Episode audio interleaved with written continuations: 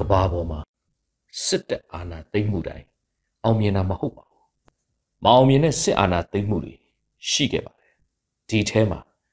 မင်းအောင်လှိုင်ရဲ့2021အာဏာသိမ်းမှုဟာမအောင်မြင်တဲ့အာဏာသိမ်းမှုတစ်ခုတည်းမှာပါဝင်ပါတယ်1950ကနေ2010ခုနှစ်အတွင်းကဘာပေါ်မှာစစ်တပ်အာဏာသိမ်းမှုပေါင်း450ကျော်ရှိခဲ့ပြီဒီထဲကထက်ဝက်ကျော်သာအာဏာသိမ်းမှုအောင်မြင်ခဲ့တယ်လို့ စောင်းပါတော့ဖတ်ခဲ့ရပူပါတယ်မြန်မာနိုင်ငံမှာတော့1958 1962 1988 2021ခုနှစ်စစ်အာဏာသိမ်းမှု၄ချိန်ဖြစ်ခဲ့ပါတယ်1958ခုနှစ်စစ်တပ်အာဏာသိမ်းမှုပထမဆုံးအချိန်မှာတော့ပြည်သူတွေဟာမြန်မာနိုင်ငံရဲ့လွတ်လပ်ရေးရာပြီးစားအချိန်လွတ်လပ်ရေးကြိုးပမ်းခဲ့ကြစဉ်ကစစ်ဘေးစစ်တမ်းတွေကိုအလူးလဲခံစားထားကြရတော့ အာဏာသိမ်းမှုကိုလက်မခံကြပေမဲ့စစ်တပ်လုံသမျှငြိမ်ခံနေရတဲ့အခြေအနေတွေရှိခဲ့ကြပါပါပြည်သူတွေရဲ့တွန်းလှန်တုံ့ပြန်ဆန္ဒပြမှုတွေဟာလေအချိန်အနည်းငယ်နဲ့ပြီးဆုံးသွားခဲ့တယ်နောက်၄နှစ်အကြာ1962ခုနှစ်မှာဒုတိယအကြိမ်ထပ်ပြီးတဒေရုပ်စစ်ဘလူးနေဝင်းဟာအာဏာထပ်သိမ်းပါတယ်ဒီဒီချိန်မှာလဲအာဏာသိမ်းမှုကြောင့် ကြီးမားတဲ့လူမှုအုံကြွမှုတွေကိုစစ်တပ်ကအချိန်အကြာကြီးဖြိုခွင်းခဲ့ရတာမတွေ့သလိုပြည်သူကလည်းငြိမ်းချမ်းစွာဆန္ဒပြမှုတွေပဲလုပ်နိုင်တယ်လက်နက်ကင်အဖွဲ့အချို့ပေါ်ပေါက်လာခဲ့တယ်ဒီချိန်မှာလည်းပြည်သူတွေဟာဒီလိုခွေးဘလူးနေဝင်းရဲ့လောက်ရက်ကိုမကြိုက်ကြပဲငါတို့ဗိုလ်ချုပ်တီထောင်ထားခဲ့တဲ့စစ်တပ်ဆိုတဲ့စိတ်နဲ့စစ်တပ်ကြီးတစ်ခုလုံးပေါ်မပျက်စီးစေခြင်းခဲ့ကြဘူးလို့မြင်ပါတယ်။ ဒါကြောင့်လဲနေဝင်းအာဏာသိမ်းမှုအထမြောက်ခဲ့တယ်ဆိုပါတော့1988တတိယအချိန်မှာတော့ပြည်သူတွေဟာဆီယနာရှင်စနစ်ကိုအဆုံးသတ်ကြဖို့ဒီမိုကရေစီလမ်းစဉ်ကိုပေးကြဖို့ငြိမ်းချမ်းစွာ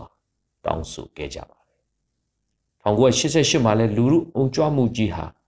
စစ်အာဏာရှင်ရဲ့ရက်စက်ရုံမာမှုပေါင်းများစွာကိုပြည်သူတွေအလူးလဲခံစားရင်3လလောက်ပါ အချိန်စကြလာပြီကြီးမားတဲ့ဆန္ဒပြမှုတွေကနှစ်အတော်ကြာမှ1990ခွန်ကျောင်းသားတပိတ်2000ခွန်ရွှေဝါရောင်2015ကျောင်းသားတပိတ်စတဲ့ဆန္ဒပြတောင်းဆိုမှုတွေကအဆင့်ဆင့်ထပ်ပေါ်ပေါက်လာခဲ့ပါတယ်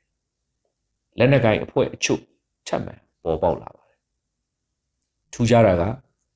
ဒီအချိန်ထိပြည်သူတွေဟာမတရားတဲ့စစ်ကောင်းဆောင်တွေကိုဖယ်ရှားပစ်ချင်တဲ့စိတ်ပဲရှိတယ် မဆိုင်တဲ့အောက်ခြေရဲဘော်တွေကိုမထိခိုက်စေခြင်းကြပဲစစ်တပ်ကြီးတစ်ခုလုံးကိုအမြင့်ပြတ်ဖို့အထိစိတ်မကူးခဲ့ကြသေးပါဘူးယခု2021ຫນွေဦးလူမှုတပိတ်နဲ့တော်လှန်ရေးကြီးပါရခင်အာဏာသိမ်းမှုများထက်ထူးခြားသောအချက်များကတစ်တစ်နှစ်ကျော်ကြာလာသည့်အထိ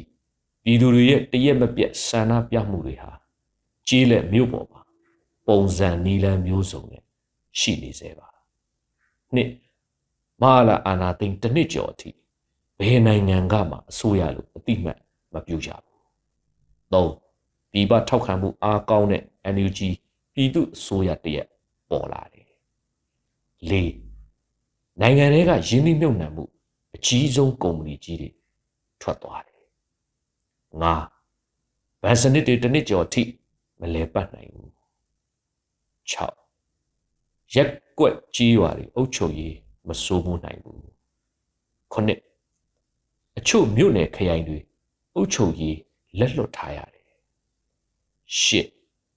ဝန်ထမ်းများကလည်းရခင်နဲ့မတူတဲ့စီရီယမ်လုပ်တယ်ကျောင်းသားတွေကလည်းနှစ်ချီကျောင်းမတက်ပဲစီရီယမ်လုပ်ပြတယ်ကိုမာလာရဲ့လောက်ရက်ကိုမထောက်ခံတဲ့စစ်တပ်ထဲကပြည်သူရဲဘော်ဥယျာဉ်ထောင်ပေါင်းများစွာစီရီယမ်လောက်လာကြတယ်။ တစ်ဆယ်ပြည်သူကလည်းယနေ့အထိစစ်တပ်နဲ့ပတ်သက်တဲ့ဘယ်အရာမဆို boycott social banish လုပ်ကြတယ်။ဆက်တစ်အားအကောင်ဆုံးက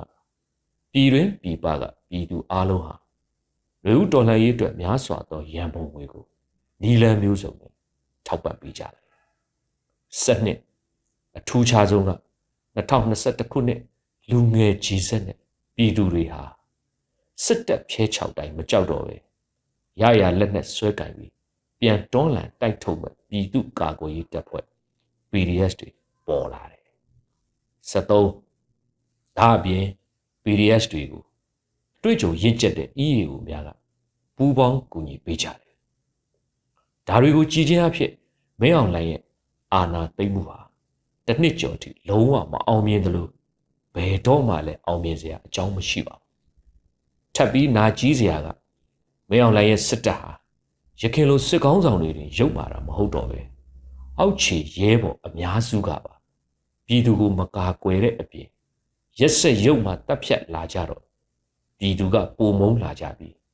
မဟာလာစစ်တပ်တစ်ခုလုံးကိုအမြင့်ပြတ်တွန်းလှန်မယ်ဆိုတဲ့ຫນွေဦးတော်လှန်ရေးကြီးပေါ်လာတာပဲဖြစ်ပါတယ်ဒါဟာမင်းအောင်လှိုင်လိုစစ်အာဏာယူတယောက်ရဲ့မိုင်မဲမှုကြောင့် စစ်တပ်တစ်ခုလုံးပျောက်ရတော့မယ်ဂိမ်းပါနောက်ဆုံးတော့မင်းအောင်လှိုင်ရဲ့မအောင်မြင်သောအာဏာသိမ်းမှုမှသည်မဟာလာစစ်တပ်အမြင့်ပြတ်ညီကုန်းချုပ်စီတို့သာရောက်ရှိပါလိမ့်မယ်အရေးတော်ပုံအောင်နေပါပြီသခင်